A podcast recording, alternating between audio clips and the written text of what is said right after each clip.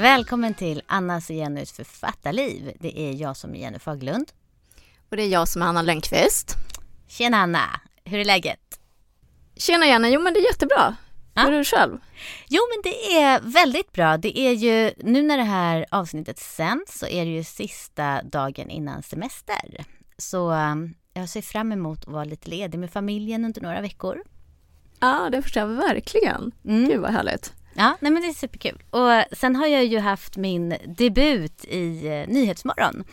Um, ja, det har du. Som jag tittar på såklart. och många andra.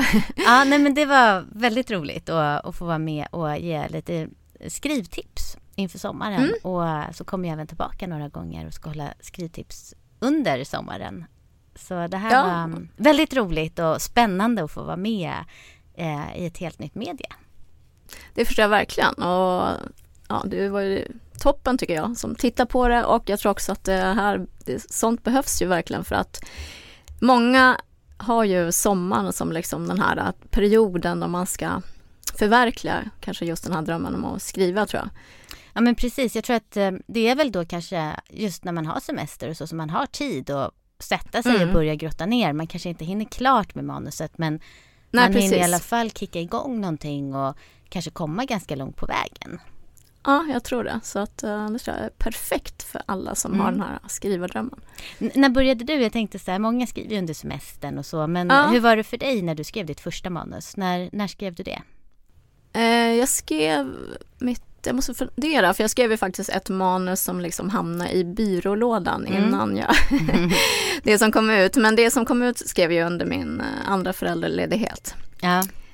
Men jag har också faktiskt skrivit mycket i början under somrarna. Så att det är en sån där period tycker jag då man, alltså man har ju, det finns ju, man kan frigöra lite mer tid förhoppningsvis då. Ja men absolut.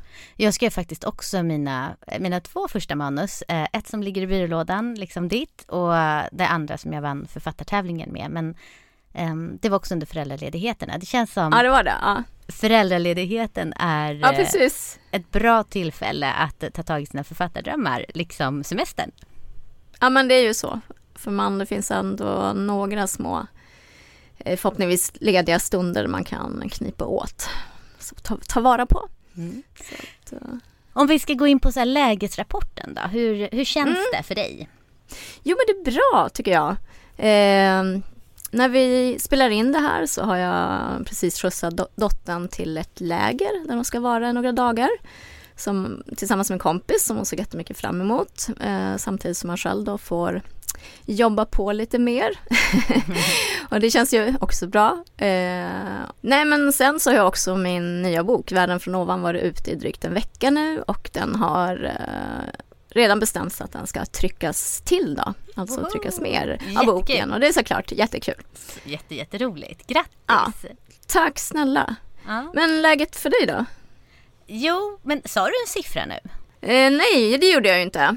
Eh, siffra då? Nej men eh, det känns ju... Ja, vad sa jag förra gången? Men ska jag säga åtta då? Nej men det känns bra liksom. Mm. Tycker jag. Härligt. Sju, sju åtta, lite sådär eh, lite. småstressigt samtidigt för att uh, jag har ytterligare en vecka efter det här då jag ska jobba på. Så det är liksom innan semestern, den här lilla semester, innan semesterstressen också. Men, ja, just det. Mm. Ja. Du då? Hur är läget med dig? Men får man våga sig på en nia eller en tia idag? Åh jäklar, men det tycker jag. Du har varit med i Nyhetsmorgon och... Eller hur? Nej men jag känner det är så här, det är semester, vi åker till Portugal här snart där min dotter ska spela fotbollscup vilket jag tycker ska bli jätteroligt att se på. Jag har, fick vara med i Nyhetsmorgon. Ja men livet är ganska härligt. Ja men gud underbart. Ja. Nu känner jag att jag borde ha varit mera positiv. Bara för det. Det kommer. Ja, det kommer. Ja.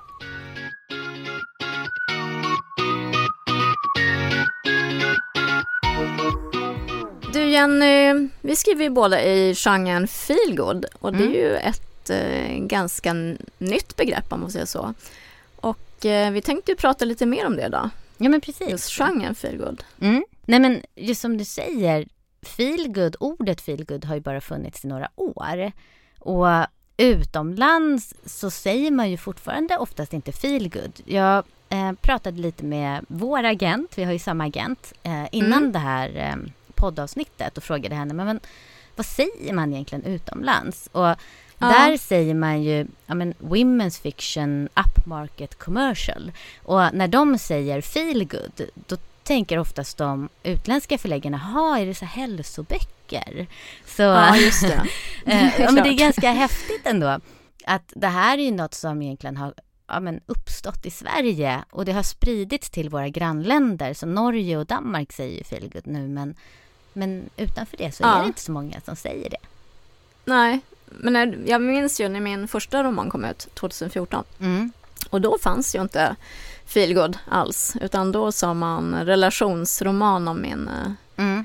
Eh, min, min, första bok då.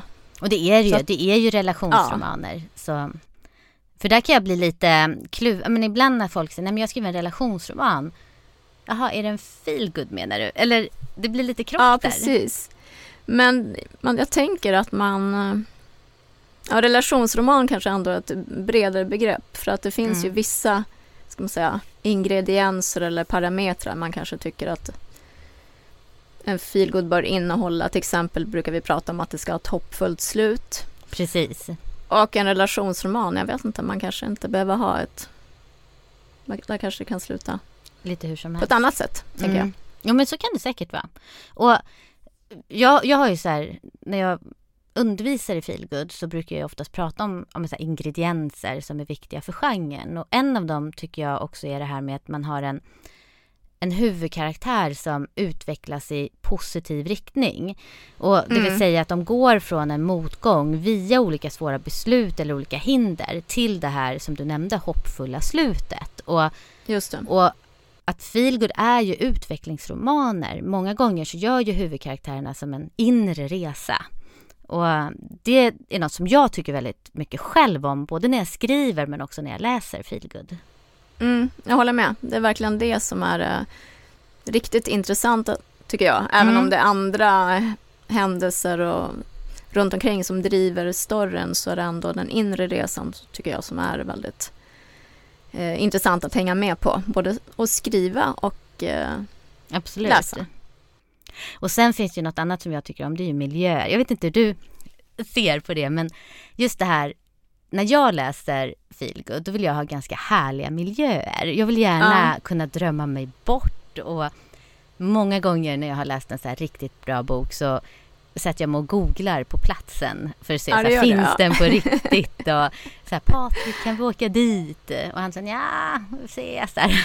Ja, precis. Eh, men just, eh, just härliga miljöer som ibland står som kontrast till handlingen och det som kanske är lite tyngre i boken. Men men som också ger den här feel good, så här, må bra-känslan. Mm. Vad tycker du?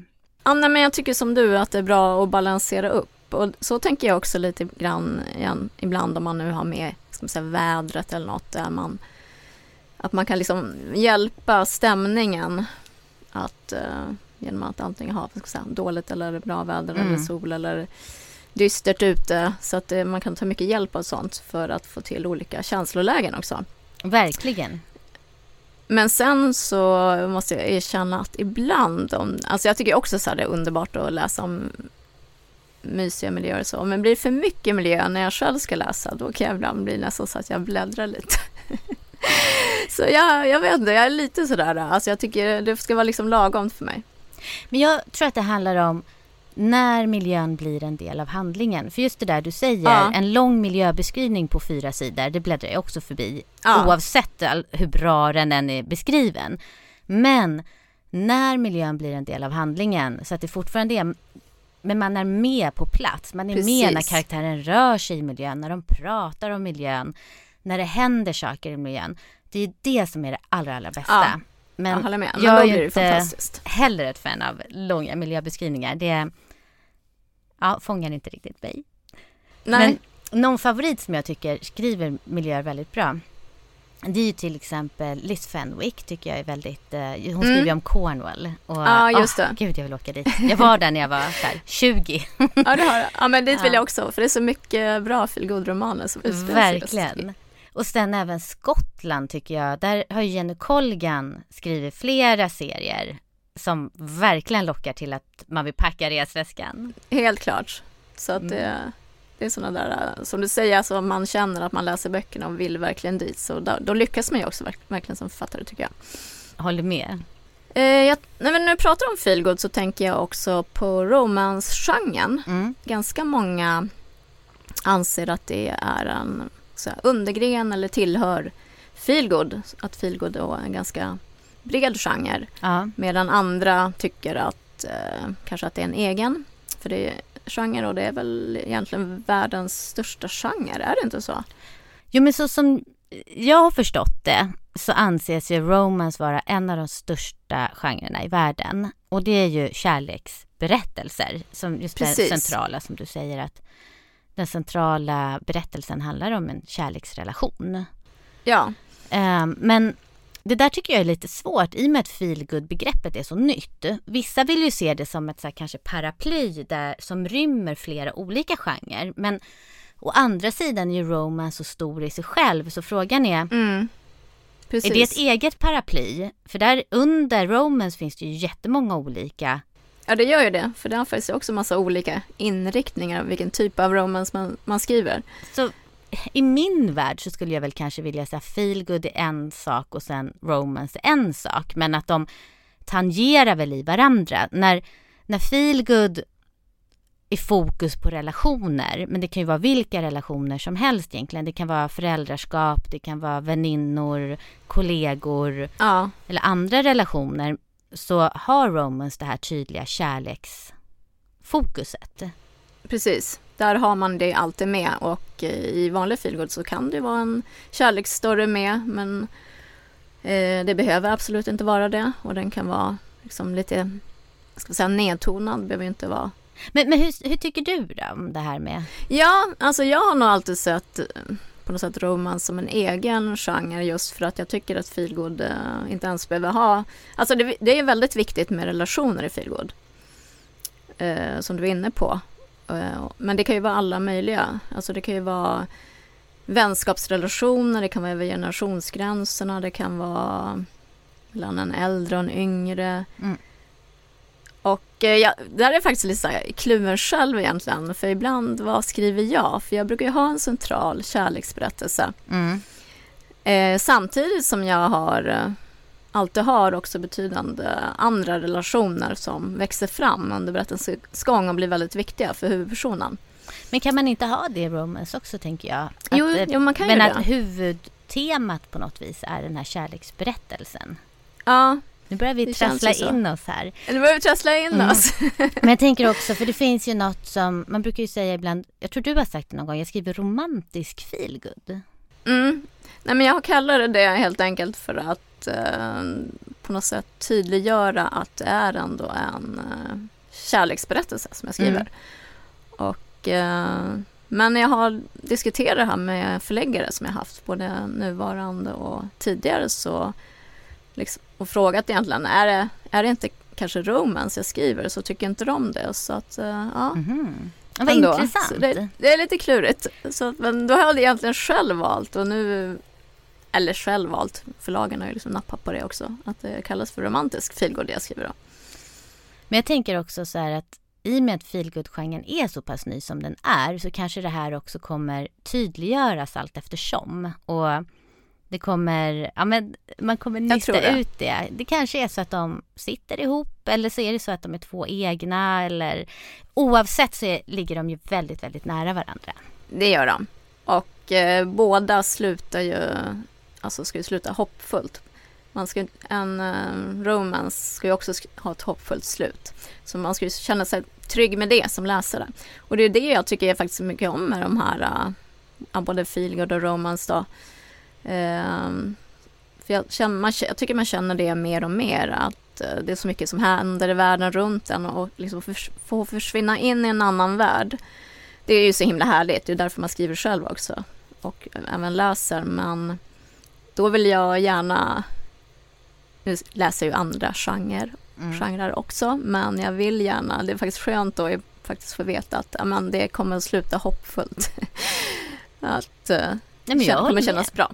Nej men det är ju så här, just de här, både romance och, och feelgood, det är böcker som får oss att må bra. Det är böcker som ger hopp, de ger inspiration, de får oss att må bra. Ibland kan det ju vara, man ser på Jojo Moist, och jag tror jag tagit upp det tidigare med Livet efter dig. Den Ja, är ju precis. otroligt, eh, ska man säga, sorglig i slutet. Men Ja, verkligen. den ger ändå hopp för att huvudkaraktären får förmodligen en annan framtid än vad hon skulle ha i början av boken. Och hon har blivit en helt annan person också genom bokens gång. Nej men så, ja men de här böckerna ger så himla himla mycket. Mm, nej, men jag tycker också det. Att, eh, som du säger, även om man sitter där och snyftar, det kan ju lika gärna vara så att man gråter på slutet så ska det väl liksom vara ändå som varm känsla i bröstet på något sätt. Nu när vi är inne just på ja, men så här, feel good romance är och hur det ska få oss att känna och så. Har du någon bok som så här, åh den här var så himla himla bra och som har etsat sig fast lite extra hos dig? Eh, jag har faktiskt det och nu råkar prata just om Jojo Moyes. För att eh, det är en bok som jag har läst om hur många gånger som helst av henne och det är det sista brevet till din älskade Ja. eh, som hon har skrivit och jag bara jag älskar den boken fullständigt. För det handlar ju om att, eh, en, om man bara, inte utan att spoila för mycket, en kvinna vaknar upp på sjukhuset och har eh, varit med om en bilolycka och tappar minnet. Eh, sen kommer det tillbaka och hon är gift med, med, man, med en man då, men när hon går där hemma sen, hon kommer till, hem och får eh, alltså efter en lång tid på sjukhuset och sakta börjar återfå minnet. I takt med det så börjar hon helt plötsligt hitta brev som hon har fått av någon gömda. Och hon, som hon, ja det är till henne, men hon kommer inte ihåg vem det är ifrån, men de är väldigt eh, vad ska säga, romantiska, så hon inser att hon har haft en relation med en annan man. Ah. Och hon är alltså gift med en, eh, med en annan man. Vad var det som gjorde att du tyckte den var så bra? Nej, men det som gjorde att jag tyckte det var så bra, för det första var det det här att, alltså själva upplägget, du vet att man har tappat minnet och man, eh, ja, man kan väl säga utan att spoila för mycket att hon hade verkligen fallit för den här andra mannen. Eh, och sen också att man får parallellt, för jag gillar ju det, Mm. man får ju parallellt följa eh, det som hände innan hon, innan olyckan. Får man just också sen parallellt börja följa. Så man får liksom ledtrådar längs vägen. Eh, men, nej, men det som verkligen, jag älskar ju storslagna kärlekshistorier. Det är liksom anledningen till att jag började skriva sådana själv också. Eh, och den här är verkligen ja, helt en fantastisk kärlekshistoria som bara griper tag om hjärtat och man bara, "Ja, de måste få varandra, de måste få varandra annars vill jag inte vara med. Wow. Så att det är liksom det, alltså, mm. ja, och tror att hon har lyckats otroligt med den berättelsen. Ja, vad bra. Det är så bra boktips helt enkelt. Men du då Jenny? Jo, men eh, när vi skulle så fundera på vilken bok som verkligen hade så här, gripit tag i oss. Så en bok som jag faktiskt fortfarande bär med mig sådär som, som jag ofta tar upp som exempel på en bok som, som verkligen grep tag. Det är ju En man som heter Ove av eh, Fredrik Backman. Och det jag tyckte var så, vad ska man säga, speciellt. Det, det, det var ju en sån här bok som blev en jättesuccé och som alla läste. Och ofta när det blir så, då kan jag vara så här, ja, men ska jag läsa den eller ska jag inte göra det sådär. Alltså, Ja, man blir nästan lite tvärtom då i början. Ja men verkligen. Men så var jag, jag och min man, vi skulle flyga till London och så var ju den där boken där, så tänkte jag, men då köper jag den så läser jag den på flyget. Mm. Och första scenen kände jag bara, herregud vad är det här för människa? Jag är ju en fruktansvärd människa. Och så, så här, Ja. ska jag läsa den här? Men då satt jag ju på flyget och hade inget annat för mig så jag fortsatte ju läsa. Och det Ja. slutar med att när vi väl är i London, jag läser i taxin på väg till hotellet, jag stannar på hotellrummet istället för att gå ut och så här, upptäcka London för att läsa klart boken. för den verkligen Otroligt. grep tag i mig, var så fantastiskt bra. Och just också att Ove då, som från första början verkar extremt osympatisk, har ju verkligen ett hjärta av guld och är ju den här Åh, oh, gud vad jag tycker om honom. Ja. Han är en sån här eh, som man bara tycker så mycket, mycket om och vill så väl. Och tårarna rann ju när jag läste slutet. Ja. Jag tycker Fredrik Backman är helt fantastisk på att skildra karaktärer och skildra olika Ja men det är människor. han ju verkligen. Mm. Och det är ju verkligen ett hett boktips om man inte har läst än.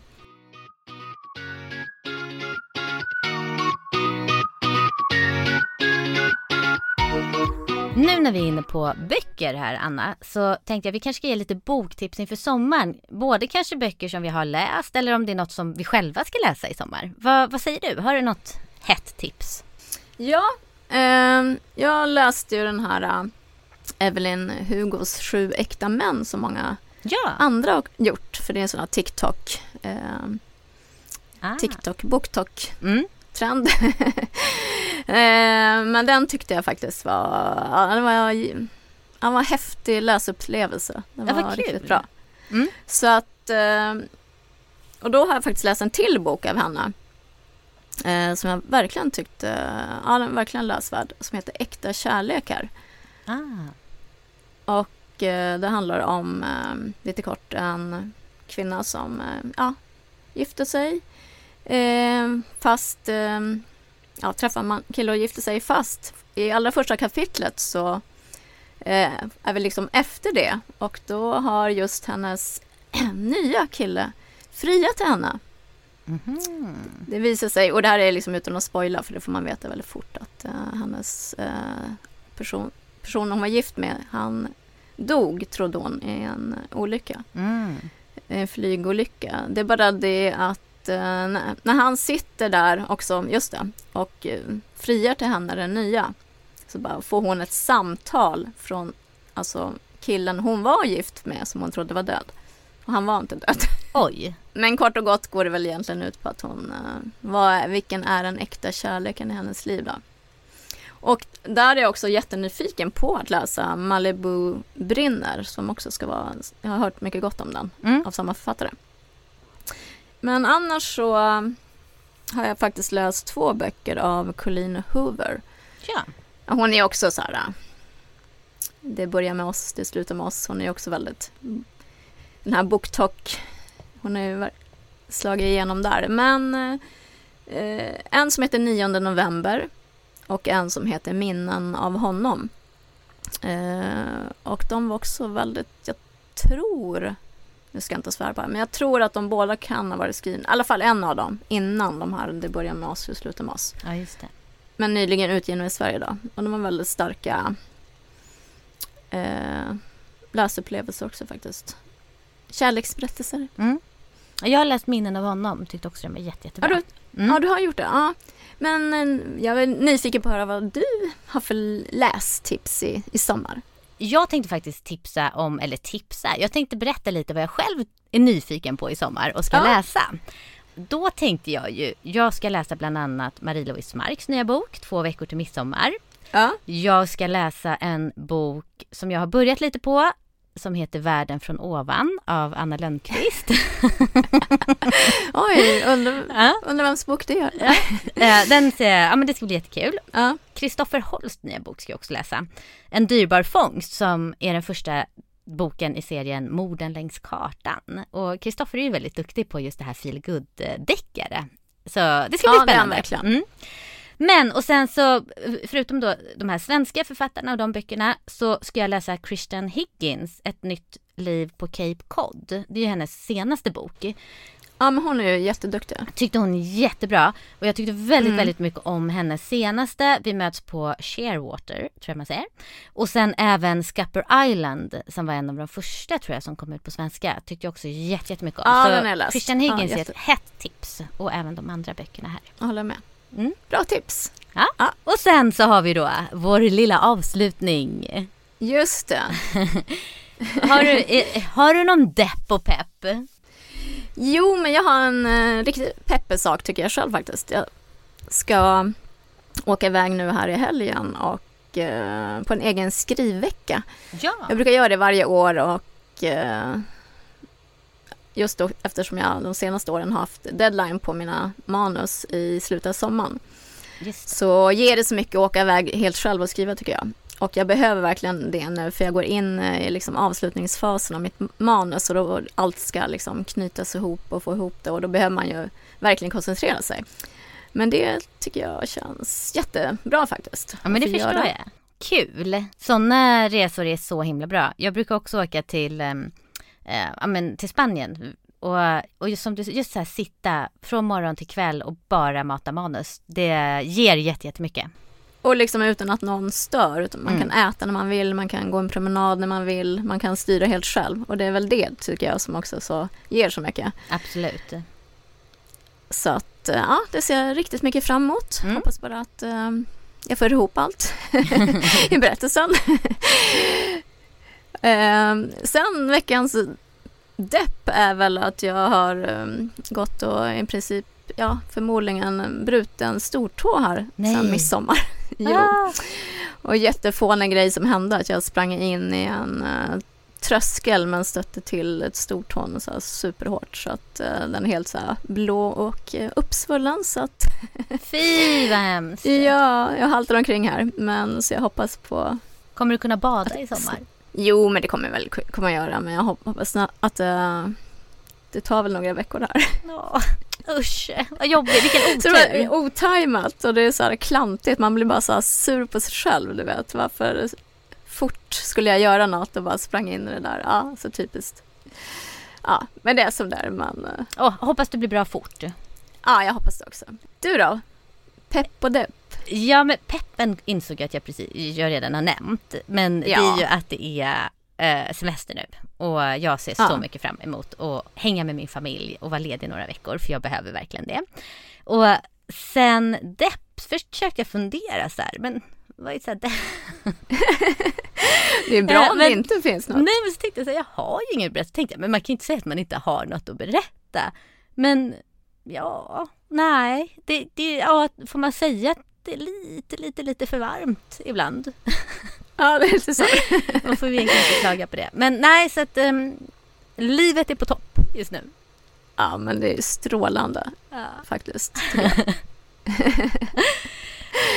ja, men jag ser också verkligen fram emot att vara ledig sen också med familjen efter liksom en lång, en lång jobbvår. Ja, så. men det är härligt. Det ska bli väldigt, ja. väldigt skönt.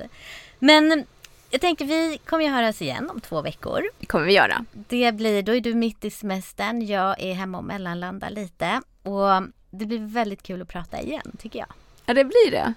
Och tack alla som har lyssnat och hoppas att ni har en jätteskön sommar just nu och att ni kanske får lite semester nu eller snart. Ja, tack så hemskt mycket för att ni lyssnar. Ja, ha Jättekul. det bra. Ja, ha det bra. Hej hej.